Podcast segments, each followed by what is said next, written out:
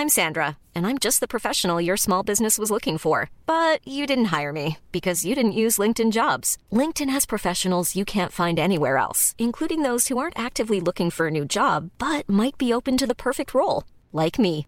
In a given month, over 70% of LinkedIn users don't visit other leading job sites. So if you're not looking on LinkedIn, you'll miss out on great candidates like Sandra. Start hiring professionals like a professional. Post your free job on linkedin.com/people today. Hey, it's Ryan Reynolds, and I'm here with Keith, co star of my upcoming film, If, only in theaters, May 17th. Do you want to tell people the big news? All right, I'll do it. Sign up now and you'll get unlimited for $15 a month in six months of Paramount Plus Essential Plan on us. Mintmobile.com slash switch. Upfront payment of $45 equivalent to $15 per month. Unlimited over 40 gigabytes per month. Face lower speeds. Videos at 480p. Active Mint customers by 531.24 get six months of Paramount Plus Essential Plan. Auto renews after six months. Offer ends May 31st, 2024. Separate Paramount Plus registration required. Terms and conditions apply if rated PG. Tony Media. Vandaag in Schotschrift. Anders dan de andere gasten van Schotschrift ben ik niet bekend of getalenteerd. Toch is het de derde keer dat ik hier ben. Dus daar kun je me wel van kennen. Simon van Teutem.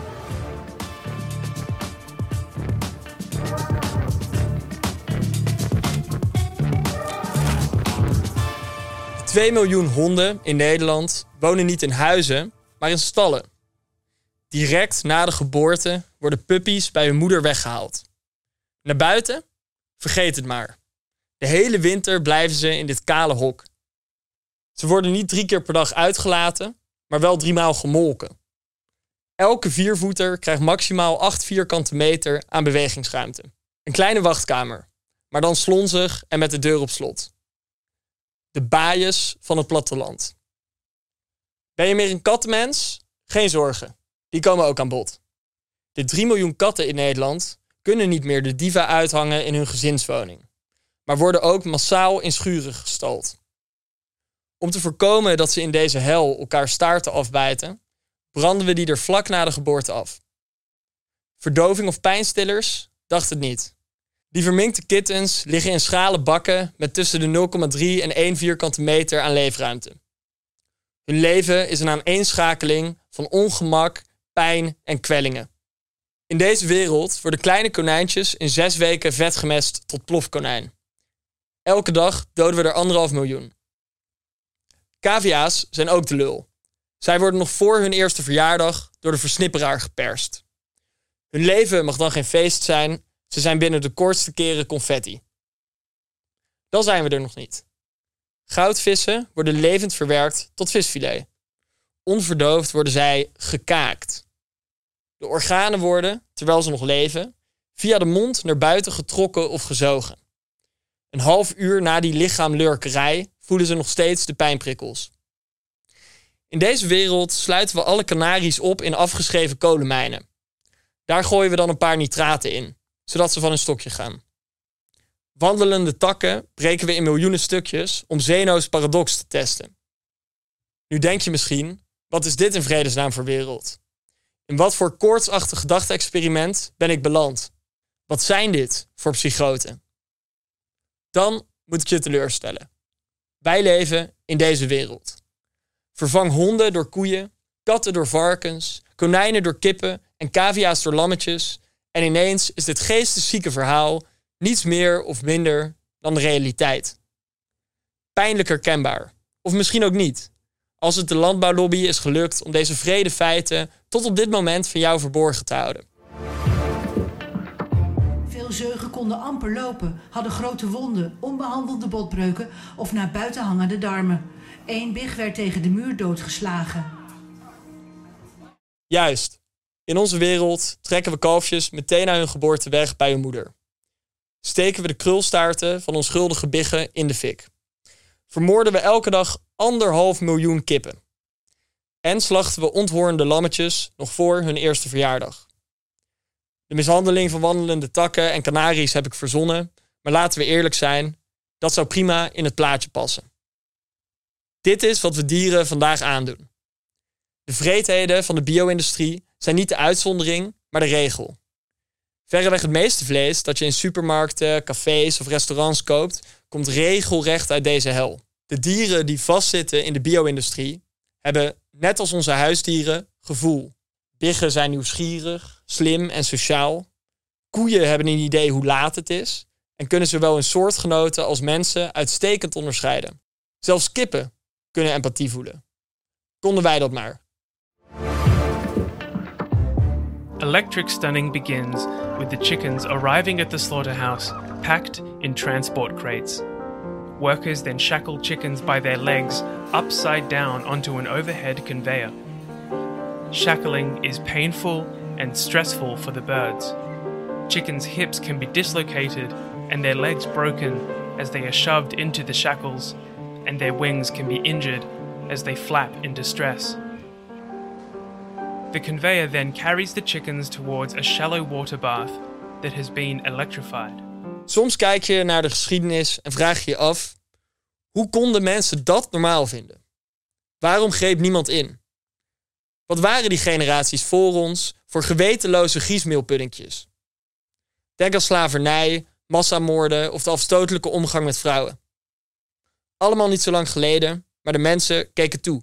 Als iemand in die tijd de feiten had opgeschreven, kon elk weldenkend mens zien dat het onverdedigbaar was. Maar zeg eens eerlijk, hoe zit dat met onze omgang met dieren vandaag? De vleeslobby is als de dood dat jij achter de feiten komt en daar eens kritisch op reflecteert. Daarom lanceerde zij in augustus de campagne Nederland Vleesland. Hier komt een bloemlezing van de holle kreten op een website. Respect voor het dier is de eerste prioriteit, van veehouder tot in de slachterij. Vlees hoort bij Nederland. Nederland Vleesland, waar smaken verschillen. Het is alsof slavenhouders in de Romeinse tijd een campagne voor onderwerping lanceerden. Respect voor de slaaf is de eerste prioriteit, van de slavenmarkt tot het Colosseum. Lijfeigenen horen bij het Romeinse Rijk. Rome, het slavenrijk, waar knechten het klappen van de zweep kennen.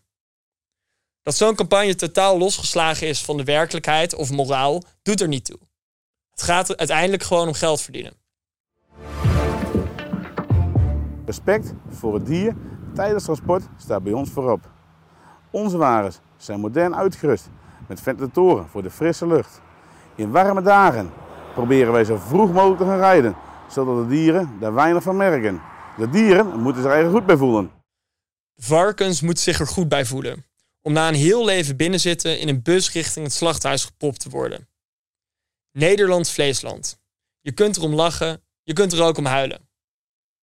Maar er is ook goed nieuws. Het zal niet lang meer duren voordat het afgelopen is met deze vreedheid. Het zal niet lang meer duren voordat technologie veeteelt overbodig maakt. Als je erover nadenkt, is voedsel halen uit dieren net zo efficiënt als roeien met een pollepel. Voor vleesproductie importeren we jaarlijks miljarden kilo's aan mais, soja en tarwe. De helft van ons land is landbouwgrond. Binnen 40, 30, misschien zelfs 20 jaar zal dat vlees gewoon gekweekt worden. En precies hetzelfde smaken. Maar hoe denk je dat we tegen die tijd op die misdadige mishandeling terugkijken? Geloof je daadwerkelijk dat je dan nog wegkomt met het argument dat het zo lekker smaakte? Denk je echt dat je je eetgewoontes kunt uitleggen aan je kleinkinderen, terwijl je je prima bewust was van de pijnlijke feiten? Ik denk het niet. Vegetariërs en veganisten zijn niet de sneeuwvlokjes, maar juist de realisten. Het is de rest die in een fantasiewereld leeft, zichzelf doof maakt voor de feiten en vroeg of laat daarvoor verafschuwd zal worden. Het goede nieuws? Je kunt vandaag nog kiezen aan welke kant van de geschiedenis je wil staan. Ik zou er maar heel snel op gaan broeden. Normaal gesproken neemt Simon van Teutem alleen de maatschappij onder schot. Maar vandaag nemen we direct na zijn fantastische column Simon van Teutem onder schot. Simon van Teutem. Lekker. Ongelooflijk, wat heb je weer een hoop eh, op papier gezet. Wat veel woorden. En ehm, wat zeg je er weer lekker weinig mee. Ja. Maar serieus. Moet je nou echt drie kwart van je column wijden aan een soort algemeen punt met metaforen die weinig zeggen, wat ieder mens weet, of ze nou rekenen mee houden of niet. Ja. Maar wat dacht je daar dan mee los te maken? Ja, ik denk dat mensen het wel weten, maar dat ze er toch dat ze het toch niet echt naast elkaar leggen. Mhm. Dus soms moet, je, soms moet je een punt ge- gewoon herhalen. Of, of steeds weer met een net iets andere invalshoek zeggen. Want je punt is dat je zegt, eh, we gaan gewoon super anders om met dieren die we opeten dan met dieren waar we een band mee eh, krijgen. Ja, En als we er dan op in gaan haken, op al die schitterende metaforen. Goudvissen worden levend verwerkt tot visfilet. Maar een, een goudkist, maar je wil een contrast. goudkist. Een goudkist, maar je wilt een contrast. Kijk, dus- daarom is het goed om verschillende dieren aan te halen. Want als mensen niet weten wat een goudvis is, dan heb je in elk geval een ander dier dat ze wel kennen. Ja, fantastisch. eh, maar luister nou eens. Je, je probeert een contrast te maken. Dus een goudvis in een kom, dat is dan eh, minder erg dan een zalm in een kweekvijver. Is dit niet een mislukte metafoor dan? Nee, ik denk dat, ik denk Dat dat, wel degelijk, ik denk dat er wel degelijk mensen zijn die echt zich bekommeren om hun goudvis in een kom.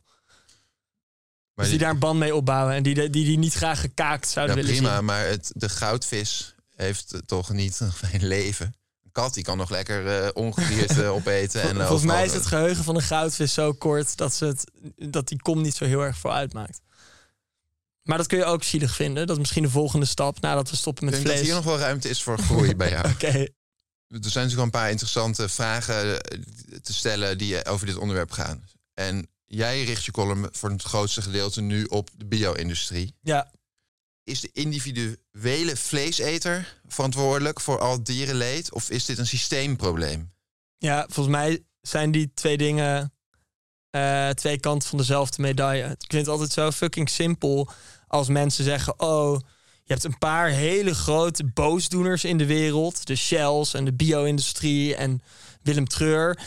En zij doen al het kwaad. En dat wij meedraaien in dat systeem. En dat wij individuele keuzes maken die dat systeem in stand houden. Dat doet er allemaal niet zoveel Maar is toe. er geen zwaartepunt? Ja, er is wel een zwaartepunt. Dus je kan ook wel, je kan ook wel zeggen: oké, we gaan als eerste, we gaan beginnen met, ehm, met grote biobedrijven aan te pakken.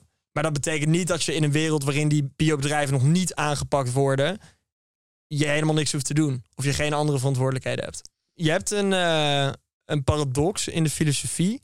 En dat, is, dat gaat over een hoopje zand. En dat vraagt, eh, als je steeds één zandkorrel hier op tafel legt, steeds eentje erbij, waar is dan het moment waarbij je zegt: Oké, nu is dit een hoopje zand? Mhm.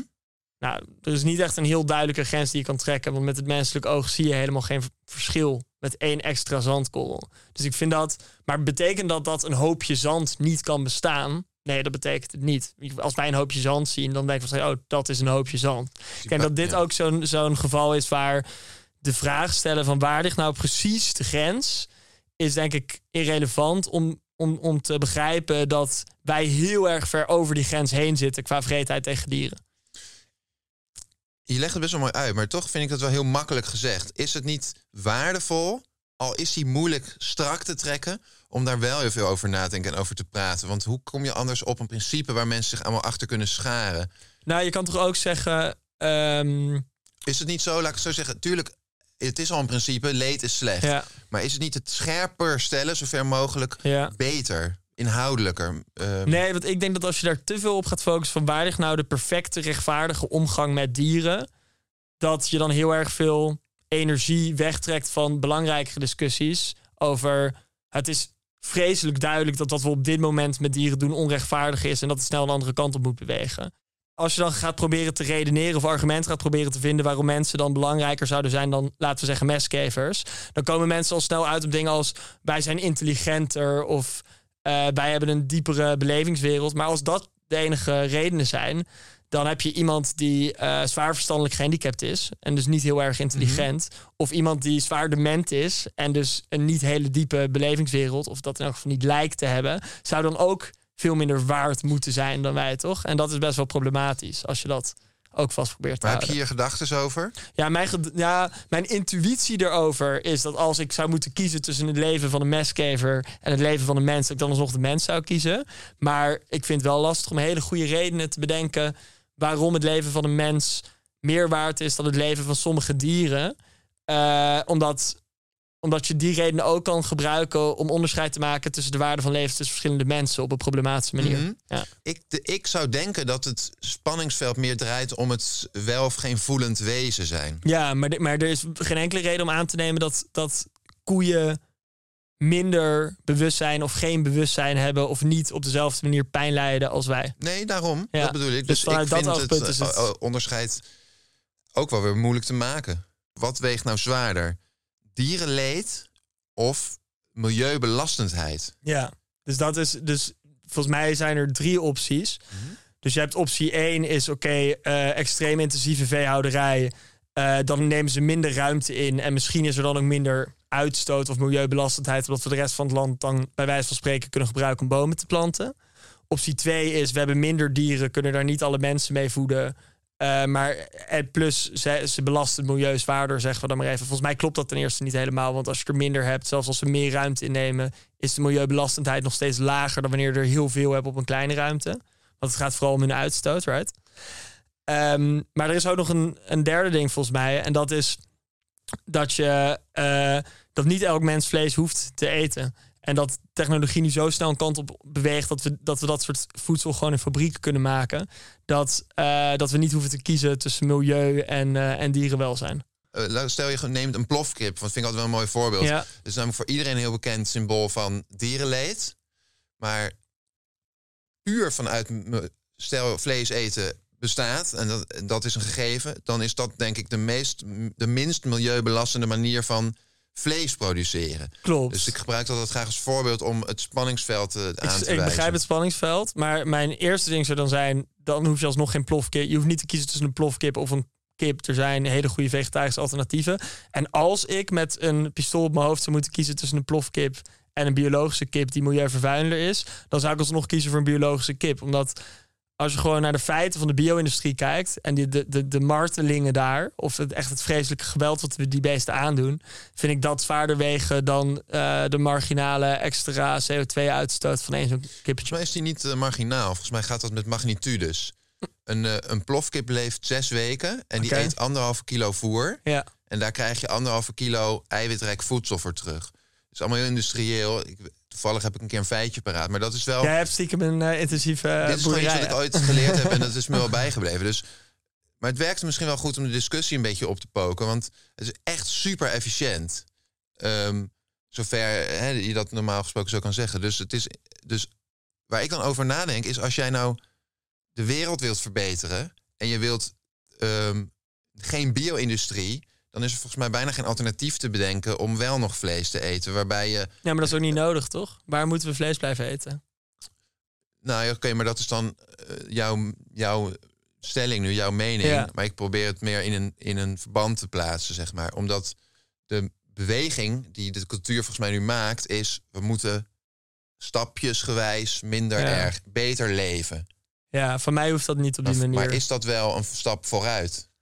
Als, dat gaat niet gepaard met minder consumptie. Dus het gaat gepaard met het meer milieubelastend maken van, van de dierlijke producten. Ja, maar dat is, ja, daar zit inderdaad lastige. Wat je eigenlijk zegt is: hier, hier zitten we nu en hier wil ik naartoe. Maar als we hier naartoe gaan met die kleine stapjes, is het niet per se beter, omdat de milieu, eh, omdat de milieubelasting eigenlijk misschien zwaarder weegt dan de belasting dat voor dat het dier. uiteindelijk wel zo is. Dus dat het Ja. oprecht wel een, een lastige extra dimensie is aan het verbeteren van de dierenwelzijn. Ja, maar voor mij hoeft één hoeft dat niet stap voor stapje. Voor mij mogen we de bio-industrie in Nederland vandaag, zoals die staat, verbieden. Mhm. Eh, en twee, als ik dan toch voor dat dilemma word gesteld, zelfs als het in magnitudes gebeurt in plaats van in marges, dan zou ik alsnog liever die biologische kip eten dan de plofkip. Omdat, ja, nou ja, het zit in mijn verhaal. Maar Mhm. wat we die beesten aandoen is gewoon onmenselijk. En klimaat is ook een enorm groot probleem. Wat we ook liever niet zouden hebben. Maar ik vind dan de urgentie groter bij zo'n. bij direct leed. Eh, toch wel. Maar je zei net heel mooi, wat mij betreft kappen we met de vleesindustrie. Ja, met de bio-industrie. Maar kan je dat kan je zeggen van we kappen met de bio-industrie, maar we blijven op een vergelijkbaar niveau eh, vlees eten? Is dat mogelijk? Nee, nee, dat is niet mogelijk. Dus dan zou je Kun veel je niks in minder... de mond leggen, maar gaat het dan niet een beetje gelijk op van kappen met de bio-industrie is kappen met vlees eten? Niet volledig, maar het zal wel vlees. Je zal dan de werkelijke prijs voor vlees moeten betalen, inderdaad. In plaats van de veel te lage prijs die er op dit moment voor gerekend wordt. Dat heeft twee componenten. Eén is de landbouw wordt enorm gesubsidieerd. Volgens mij gaat een derde van, de EU, van het EU-budget gaat naar landbouwsubsidies. Mhm. En dan heb ik het nog niet eens over nationale overheden. En een, een tweede dimensie ervan is dat vlees of productie en intensieve veehouderij heeft heel veel externe effecten. Dus stikstofproblematiek, klimaatproblematiek, et cetera, et cetera, die niet worden beprijsd wanneer het in de supermarkt ligt. Dus ja, ik ben voor de werkelijke prijs betalen van vlees. En dat betekent dat veel minder mensen. Zou dat een reëel iets zijn? Is dat vlees net zoiets wordt als, ik noem maar iets, een fles champagne? Of caviar. Ja, Ja. laten we een fles champagne nemen. Want je kunt namelijk ook eh, voor heel goedkoop iets te drinken kopen. Maar iedereen kan wel een fles champagne betalen. Maar het is toch van een prijsniveau dat je dat gewoon niet... eh, Dat kun je niet permitteren dagelijks. Ja, nou, of dat reëel is, hangt eh, van twee dingen af. Eén is als je het als mensen, als on- wij of, of onze generatie er veel radicaler in gaat, dan kun je dat met beleid gewoon afdwingen. Twee, en dat is waarschijnlijker denk ik, als mensen er langzaam naartoe moeten bewegen, dan hangt het af van de kwaliteit van alternatieven. Dus ik denk dat mensen dan pas slikken, of niet slikken, als er eh, ja, goed genoeg, lekker genoeg vegetarische eh, alternatieven zijn. En ik ben ook niet iemand die zegt, ik vind vlees fucking lekker hè, om te eten. Ik heb helemaal geen probleem met de smaak van vlees of met mensen, daarvan, met, met mensen die ervan genieten. Maar ehm, ja, volgens mij bewegen we wel heel snel een kant op dat je dieren martelen niet langer nodig hebt om ook de lekkere smaak van vlees te proeven. Waar ik nog even naar wilde kijken is dit.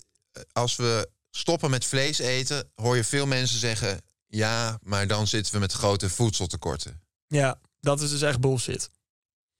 Kan je dan ons eens verlichten met jouw eh, eh, inzichten? Ja, dat was een heel goed stuk laatst op de correspondent van Thomas Oudman.